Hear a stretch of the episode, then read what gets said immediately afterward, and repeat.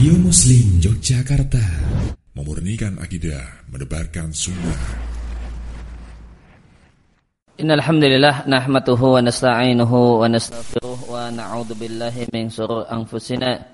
Wa min sayyiati a'malina may yahdihillahu fala mudilla lahu wa may yudlil fala hadiyalah wa asyhadu an la ilaha illallah wahdahu la syarika lah wa asyhadu anna muhammadan abduhu wa rasuluhu sallallahu alaihi wa sahbihi wa sallam ba'd kaum muslimin rahimani wa rahimakumullah kembali kita lanjutkan bahasan untuk kitab Al-Wasail Al-Mufidah lil Hayatis Sa'idah karya Syekh Abdurrahman Ibn Nasir As-Sa'di rahimallahu taala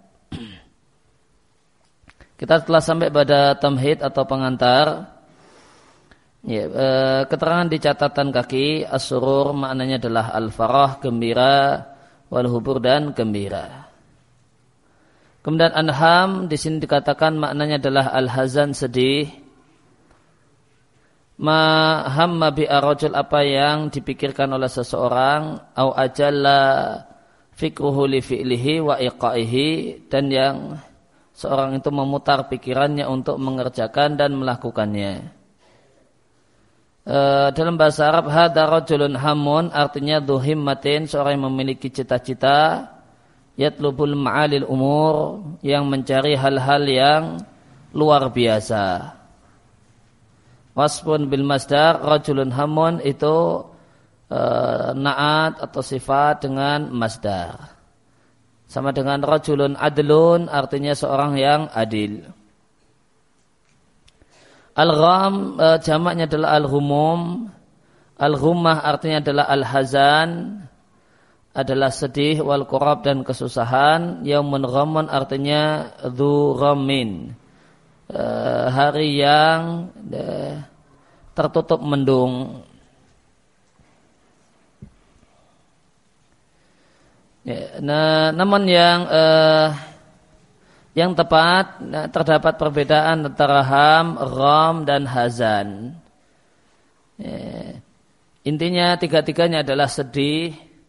Kalau sedih memikirkan sesuatu yang telah terjadi ya, setahun yang lewat, orang tua meninggal dunia, ibu meninggal atau ada anak meninggal dan sekarang masih dipikirkan dan susah karena teringat ya, susah karena teringat kejadian tersebut meninggalnya anaknya atau keluarganya ah, ini hazan ya, sedangkan alham adalah sedih dan susah memikirkan sesuatu yang belum terjadi ya, misalnya ya, ya, setelah saya lulus saya akan Ya, bagaimana saya akan kerja apa, saya akan tinggal di mana. Mikirkan hal tersebut dan itu padahal ya, ya, ya, padahal masih jauh. Namun sudah terpenjara pikirannya dengan masa depannya. Sudah susah mikirkan hal tersebut. Ya. Maka ini disebut ham kemudian gham adalah memikirkan hal yang sedang terjadi yang sedang e, memikirkan apa yang dia lakukan. Dia susah memikirkan apa yang dia kerjakan apa yang dia lakukan. Kalau karenanya ya, maka ini disebut ram. Kemudian kehidupan yang bahagia rahatul qalbi Hidup yang nyaman, hati yang nyaman adalah matlab likuli ahadin. Cita-cita setiap orang yang dicari oleh setiap orang. Artinya dia adalah matlabun fitri, sesuatu yang secara fitrah dicari oleh semua orang. Yatasawa fihi kafatun nas. Semua orang itu sama dalam masalah ini. Ibtihad, ibtahaj syai' bisyai atau lisyai artinya imtala asuran bihi penuh dengan rasa gembira karenanya. Kemudian hati yang nyaman itu memiliki asbab, memiliki sejumlah sebab. Yeah. Kemudian di uh, catatan kakinya disampaikan tentang pengertian sebab dalam ilmu usul fikih meskipun ya, saya pandang ini tidak perlu. Nah, ya sebab gitu saja yang diinginkan oleh penulis. Tidak ada hubungannya dengan ilmu usul fikih. Ya sebab ya, untuk orang hidup bahagia atau rahatul qalbi hati yang nyaman itu ada tiga macam. Gitu saja tidak perlu dan dijelaskan pakai kaidah uh, pengertian sebab menurut usul fikih misalnya kurang tepat dan kurang nyambung. Namun kita baca aja Yuqasim ulama usul fikih al asbab adiniyah ya, para ulama usul fikih membagi asbab diniyah sebab agama menjadi dua macam. Yang pertama yang tidak termasuk dalam kuasa dan kemampuan seorang mukallaf. Misalnya terpaksa adalah sebab bolehnya memakan bangkai. Tenggelamnya matahari adalah sebab wajibnya salat maghrib. Aitu khulul waktu sababun artinya masuknya waktu adalah sebab wajibnya salat. Kemudian yang eh, di bawah kemampuan mukallaf semacam eh, pernikahan adalah sebab saling mewarisi antara suami dan istri. Waqad yutlaku ismu sabab ala silati majasan. Dan terkadang digunakan kata-kata sebab dalam pengertian uh, bukan asilah itu ya. Al-illah. Dalam pengertian al-illah, majazan dan itu maknanya adalah majaz ilmu usul fikih. Semacam al-bai' jual beli adalah illah sebab lil milki adanya kepemilikan. Illah di sini artinya sebab li'annahu il insan karena itu karena terjadi karena perbuatan seseorang. Amma idza lam yakun min il mukallaf adapun jika sesuatu tersebut bukanlah termasuk perbuatan seorang mukallaf ay laisa dakhilan fi qudratihi tidak termasuk dalam kemampuan dan kekuasaannya fahuwa sabab maka itulah yang disebut dengan sebab bukan illah.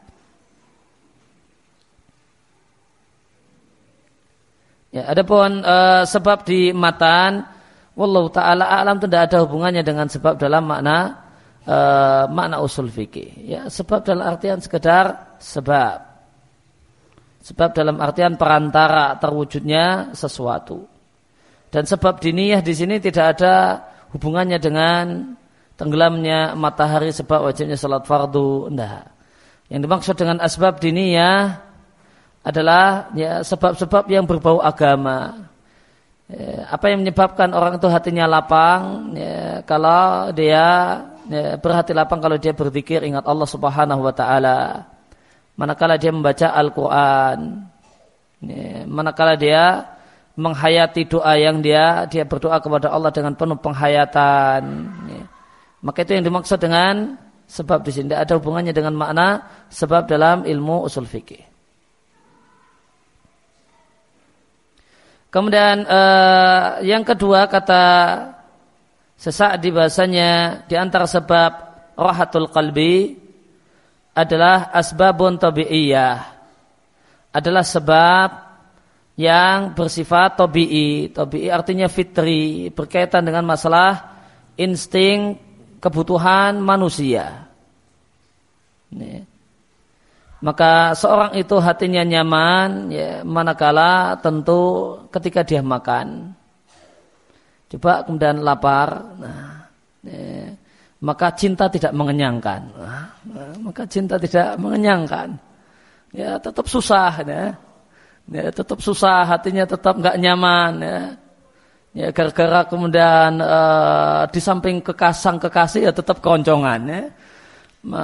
maka untuk kemudian rohatul kalbi pikiran itu kemudian nyaman ya perlu dipenuhinya apa yang menjadi tobiinya apa yang menjadi uh, insting dan kebutuhan manusiawi. Kebutuhan manusiawi. Maka kalau kebutuhan manusiawinya terpenuhi, kebutuhan yang merupakan itu insting kemanusiaan itu terpenuhi itu sebab asbab sa'adah, min asbab sa'adah. Ya. Orang yang lapar dia tidak bahagia. Nah, dia tidak bahagia, dia susah dia. Ya. Maka di antara maka pemenuhan kebutuhan uh, yang bersifat naluri itu sebab terwujudnya uh, sebab terwujudnya rohatul qalbi. Nih. Maka menikah itu asbab dinia, eh, asbab tabiiyah. Nah, punya istri itu asbab tabiiyah. Asbab tabiiyah. Maka orang yang tidak ya, dapat dapat pasangan hidup, hidupnya tidak roha, hatinya tidak roha, maka wajar karena tabiinya belum terpenuhi. Ya, maka dia, dia karena jumlah maka galau tiap hari gitu. Galau tiap hari. Kenapa? Karena asbab tabi'iyah. Ya, karena kebutuhan tabi'inya belum terpenuhi. Kalau itu terpenuhi, maka kemudian dia ada rohatul qalbi. Karena dia sudah nikah, hatinya lapang, ya, hatinya lapang, kemudian eh, sehingga sering kali kemudian mudah untuk kegemuan. Kan?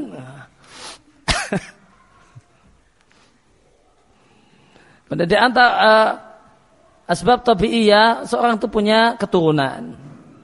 Punya keturunan. Ya, punya istri, kemudian punya keluarga, namun tidak punya keturunan, galau hidupnya. Susah hidupnya. Ya, konsul ke dokter ini, dokter itu, dokter ini. Bahkan itu jadi sebab pertengkaran, sebab keributan. Ya. Kenapa? Karena uh, unsur tabi'i tidak terpenuhi. Kemudian uh, asbab amalia maka ada kenyamanan ada rahatul qalbi karena sebab yang diupayakan oleh orang ya, diupayakan oleh orang. Itu hasil kerja keras dia hasil jeripayah dia. Akhirnya dia punya kendaraan yang nyaman mobil yang empuk enak. Maka itu sebab rahatul qalbi. Ya, daripada ngontel. Ya, ya, meskipun ya sebab-sebab ini uh, sebab-sebab bahagia di sini tentu uh, kemudian perannya bertingkat-tingkat perannya bertingkat-tingkat. Ya. namun kalau kita bicara kemudian dia punya uh, punya peran untuk kemudian terwujudnya rohatul qalbi tidak kita ingkari. Orang yang ya, punya kendaraan yang nyaman ya, atau lebih nyaman dari yang lain maka ya, seharusnya dia punya rahatul qalbi yang tidak dimiliki oleh orang lain. Dia punya rumah yang nyaman rumah yang bagus maka itu min asbab asbab amalia asbab yang dia usahakan hmm. berkaitan dengan kerja dia maka kerja kemudian punya rumah rumahnya bagus enak atau bahkan mewah, maka itu asbab, ya, asbab min asbab bisa ada. Meskipun ya tidak kita katakan itu ya, bukanlah segalanya. Nah, apakah itu sebab rahatul qalbi? Iya. Itu sebab rahatul qalbi. Meskipun kalau ketika orang itu punya sebab amalia, ya, rumah yang mewah, kendaraan yang wah, kalau kemudian tidak diringi dengan sebab diniyah, ya boleh jadi maka bahkan bisa kita pastikan rohatul qalbi yang dia miliki tidak sempurna. Tidak sempurna. Namun ya, tentu kita tidak mengkari realita bahasanya itu adalah sebab rohatul qalbi. Maka rohatul qalbi kenyamanan hati itu kata uh, Sayyid Nusadi rahimallahu taala ada yang karena faktor agama. Ada yang karena faktor terpenuhinya kebutuhan yang bersifat naluri dan insting. Kebutuhan-kebutuhan mendasar. Itu sebab wahatul qalbi.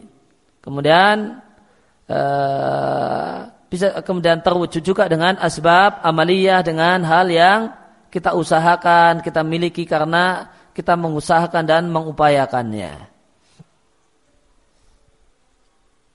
Namun beliau katakan Tiga jenis sebab ini tidak akan mungkin terkumpul kecuali hanya pada orang-orang yang beriman. Kalau orang yang tidak beriman boleh jadi dia punya asbab amalia plus asbab tabi'iyah ya, kebutuhan kemanusiaannya terpenuhi, ya, kemudian pun kemudian dia sebab dengan yang dia upayakan, yang dia usahakan pun ada, karena tidak diri dengan sebab dinia, ya, maka itu tidaklah uh, menyebabkan dia hidup bahagia.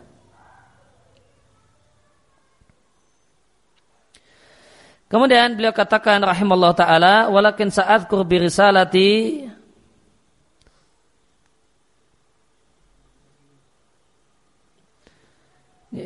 atau kemudian ada catatan kaki al aklu dalilun ila sa'adah wa surur akal itu bisa menjadi pemberi petunjuk untuk terwujudnya kebahagiaan dan kegembiraan la syakka Tidaklah dan kita ragukan. Akal mengatakan Anda hidup nyaman kalau punya kendaraan yang nyaman.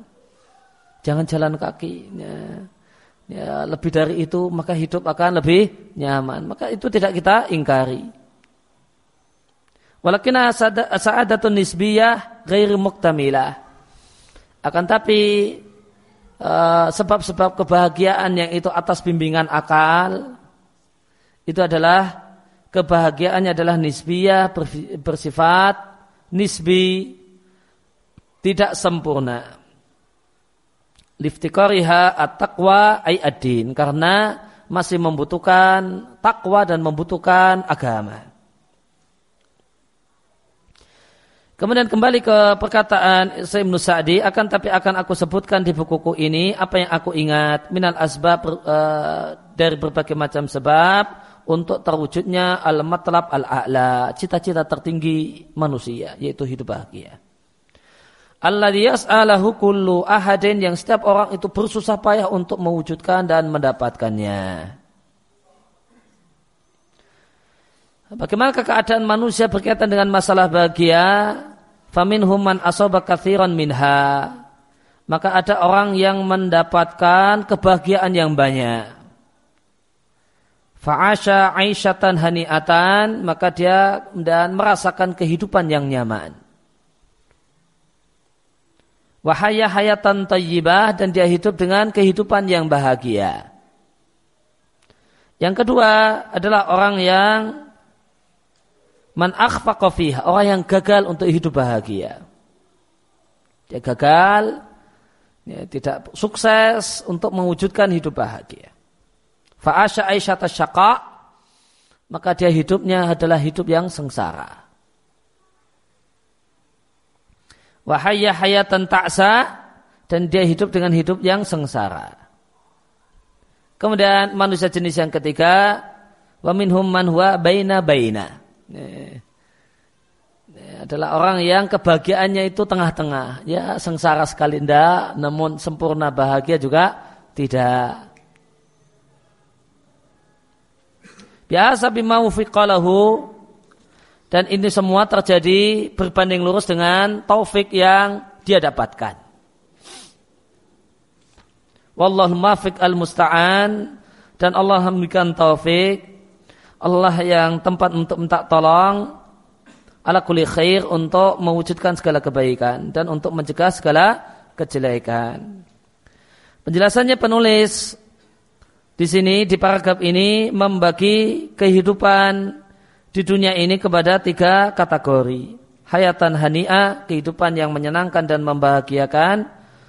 Kemudian kehidupan sengsara, kemudian kehidupan yang bercampur antara bahagia dan sengsara.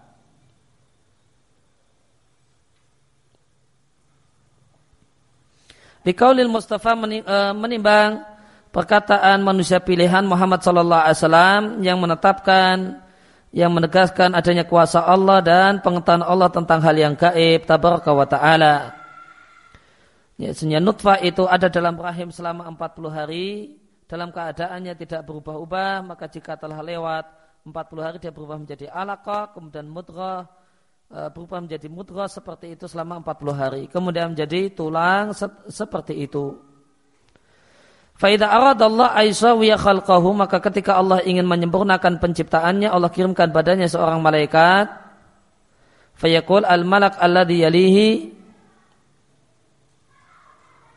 Maka kemudian berkatalah malaikat alladhi yalihi yang mengurusi janin Dia bertanya kepada Allah Subhanahu wa taala, "Ai Rabbi Rabbku, adzakaron an ungsa." Ini janin ini mau ditakdirkan laki-laki ataukah perempuan, celaka ataukah bahagia, dia itu cebol ataukah tinggi, dia itu kemudian uh, kurang ataukah lebih. Uh, kemudian dia akan bertanya tentang kekuatannya dan ajalnya. Dia hidup penuh dengan kesehatan atau kasar mudah sakit-sakitan. Qal fayuktabu dzalika kulluhu maka semua itu dicatat untuk si janin. Fakola rajulun minal kaum maka mendengar hadis ini ada salah satu orang yang berkata kepada Nabi, "Fafimal amal idan." Jika demikian wahai Nabi apa fungsi kita bersusah payah untuk beramal? Waqad furira min hadza kullihi padahal semuanya sudah selesai. Maka Nabi sallallahu alaihi wasallam mengatakan, I'malu fakulun sayuwajjahu lima khuliqalahu. Ya, berupayalah dan berusahalah dan beramalah semuanya akan diarahkan menuju tempatnya masing-masing surga ataukah neraka. Namun hadisnya eh, hadisnya diat Imam Ahmad dikatakan sanadnya dhaif karena sebab terputus.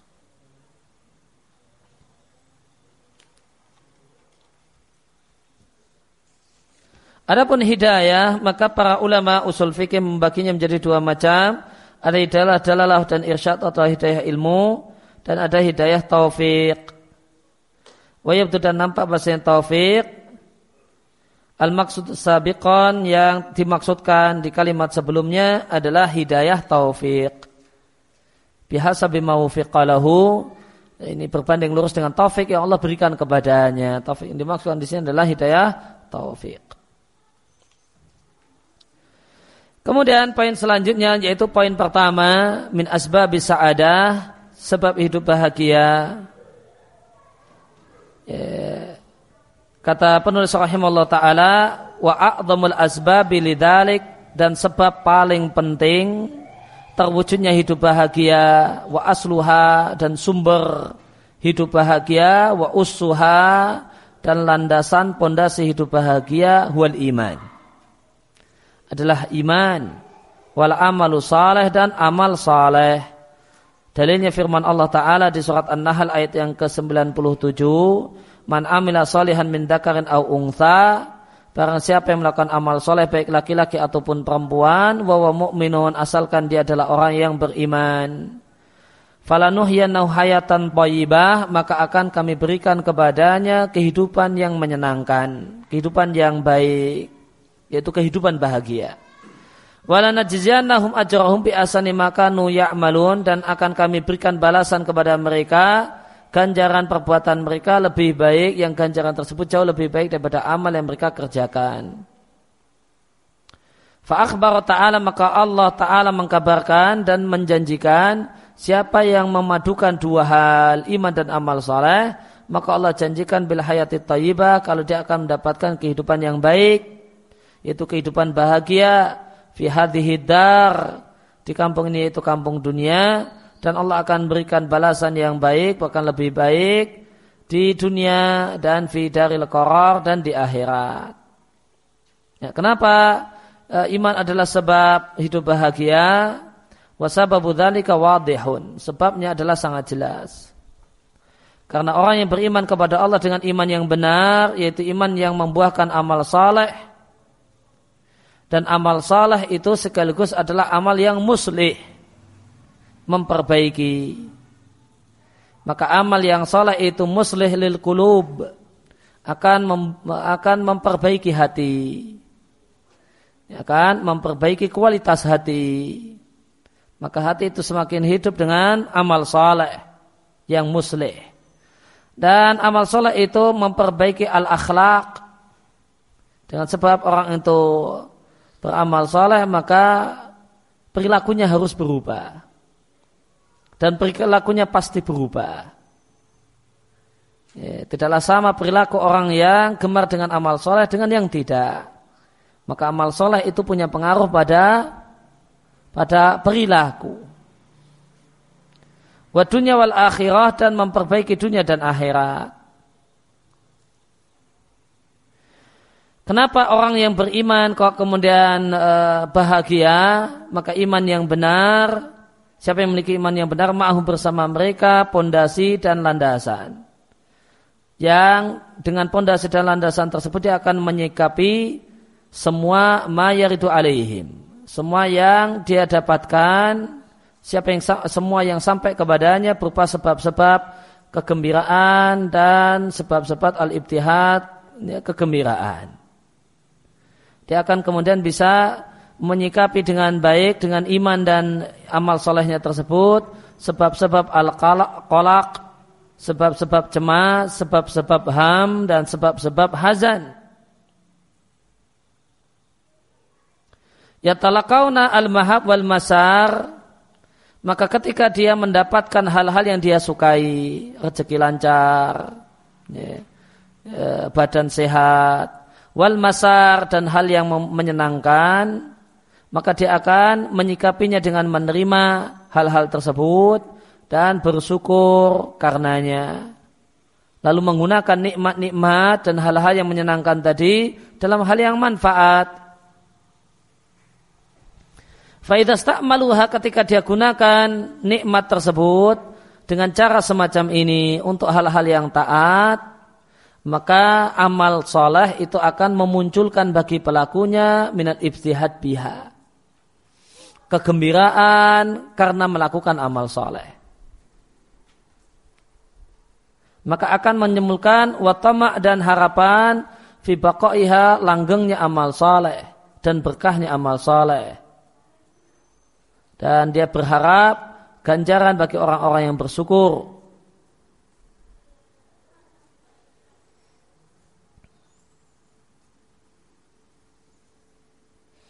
Maka ahdasa uh, uh, minal ibtihad karena gembira dengan melakukan hal ini, maka akan mewujudkan Ya, amal soleh itu akan mewujudkan umuran azimatan, hal-hal besar. Tafuku bi khairatiha yang dengan kebaikan dari hal-hal besar tersebut dan keberkahan dari hal-hal besar tadi, tafuku lebih unggul. Lebih unggul dari hadil masarat, dari berbagai macam kegembiraan, allati hadhihi thamaratuha. Yang ini adalah buah dan hasilnya.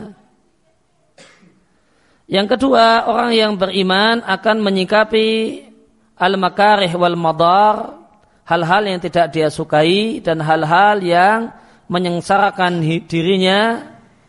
Dia akan menyikapi al-ham wal gham, dia akan sikapi bil mukawamah dengan melakukan perlawanan. Lama yumkinu mukawamatuhu untuk hal-hal yang mungkin untuk dilawan. Dan dia akan kemudian meminimalisir hal-hal yang mungkin untuk diminimalisir. Wasabrul jamil dan dia akan memiliki sabar yang indah. Lima laisa lahum min hubudun untuk kejelekan-kejelekan, musibah-musibah yang tidak boleh tidak harus terjadi. Dan sabar itu adalah sabar yang indah, adalah manakala tidak dinodai keluh kesah. Itu disebut dengan as-sabr al-jamil.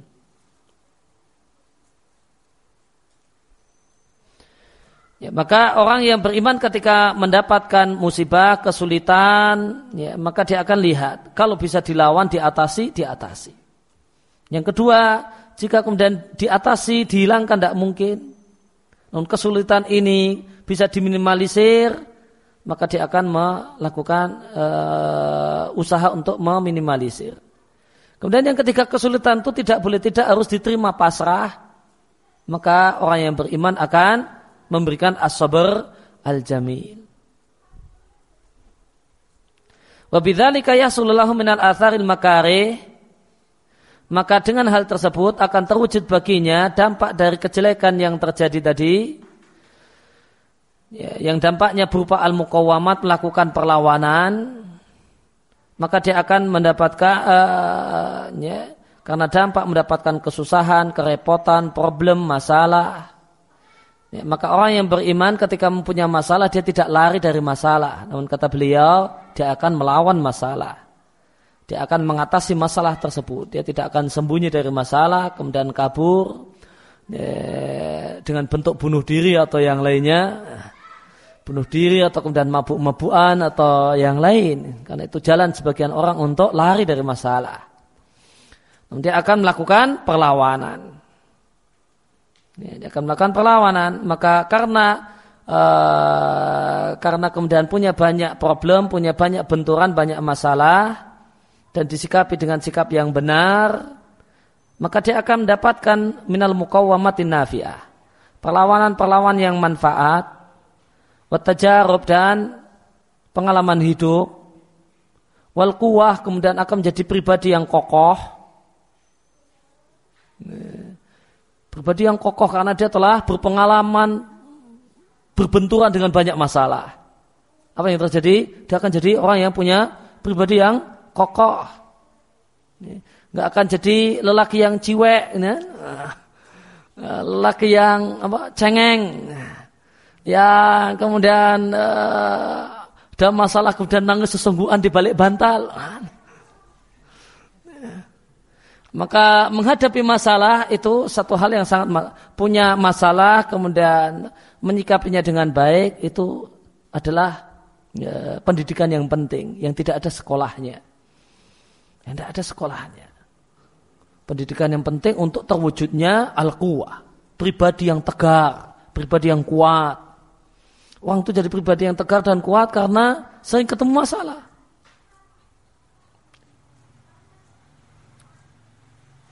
Dan masalah itulah yang menyebabkan orang itu dewasa. Ada orang yang kemudian umurnya lanjut namun hidupnya tidak pernah punya masalah.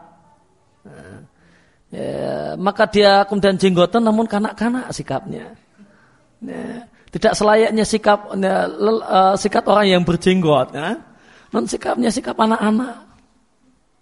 Apa yang menyebabkan kemudian orang itu dewasa?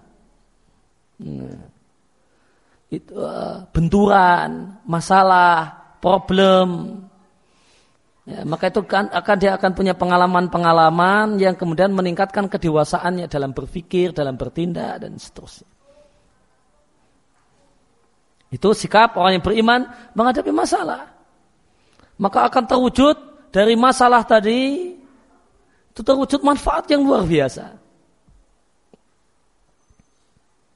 Karena untuk jadi dewasa orang itu butuh latihan, butuh pembelajaran. Ya, butuh latihan, butuh pembelajaran. Tidak sekedar tambah tua terus tiba-tiba sudah dewasa. Tidak. Banyak yang tidak dewasa. Meskipun sudah berusia tua, namun tidak dewasa. Dan banyak anak muda yang dewasa. Atau tidak sedikit anak muda yang dewasa. Kenapa? Karena dia sudah kaya pengalaman, kaya masalah. Maka kita jumpai ada orang anak-anak muda yang pikirannya adalah pikiran orang tua. Pikiran orang yang sangat dewasa. Sebabnya apa? Karena dia sudah terlatih menghadapi masalah. dia bukan orang yang mudah larut dengan emosi, perasaan. Sudah, sudah terbiasa dengan kesulitan dan masalah. Manfaat penting dari ketemu masalah. Dan menghadapi masalah dengan benar. Di samping wa minas sabar, kemudian dia mendapatkan sabar, kemudian berharap pahala dan pahala. Maka ini semua manfaat dari masalah dan kerepotan tadi adalah umurun azimatun adalah hal-hal yang sangat berharga. Itu adalah hal-hal yang sangat berharga. Tatmahalu ma'aha al-makari. Lebur kalau dibandingkan dengan manfaat tadi, al-makari berbagai macam kesusahan kesusahan yang menyusahkan itu ya, kayak kayaknya tidak lagi jadi kesusahan.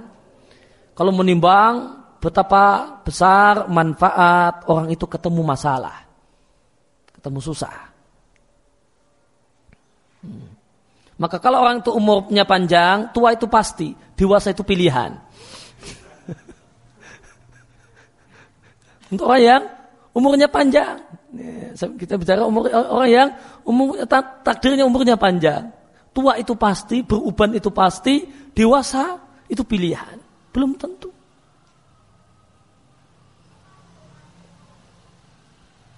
Maka ketika orang itu bisa kemudian menyikapi masalah dengan baik, tahillu mahallaha. Maka kesusahan tadi kemudian digantikan dengan al-masar, hal-hal yang menyenangkan. Roknya tasjid ya. Al-masar, hal-hal yang menyenangkan. Wal amal at dan harapan-harapan yang baik.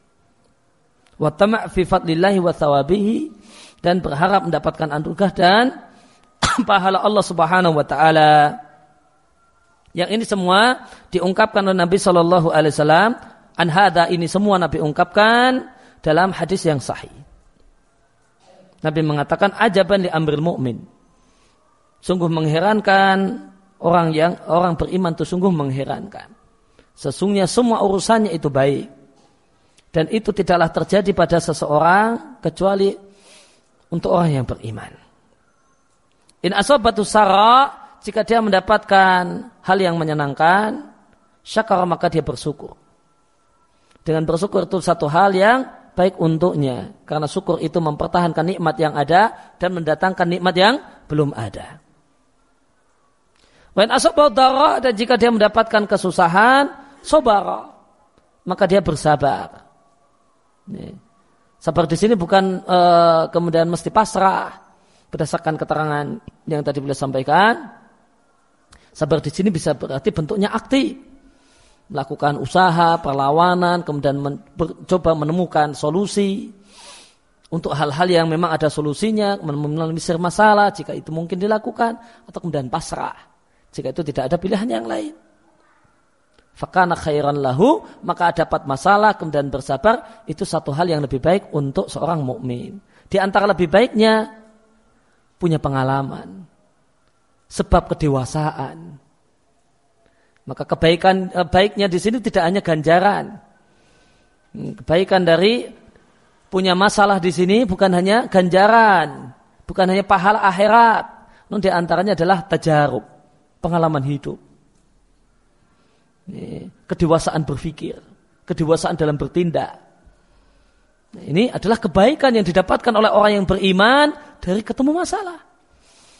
Demikian dalam satu hadis yang diatkan oleh Muslim. Demikian yang kita baca kita kaji kesempatan malam hari ini Allah ma'alim nama yang fa'una wa fa'na bima alam tanah wa sinna ilma wa sallallahu ala nabina Muhammadin wa ala alihi wa sahbihi alhamdulillahi rabbil alamin. Subhanaka Allahumma wa bihamdika asyhadu an la ilaha illa anta astaghfiruka wa atubu ilaik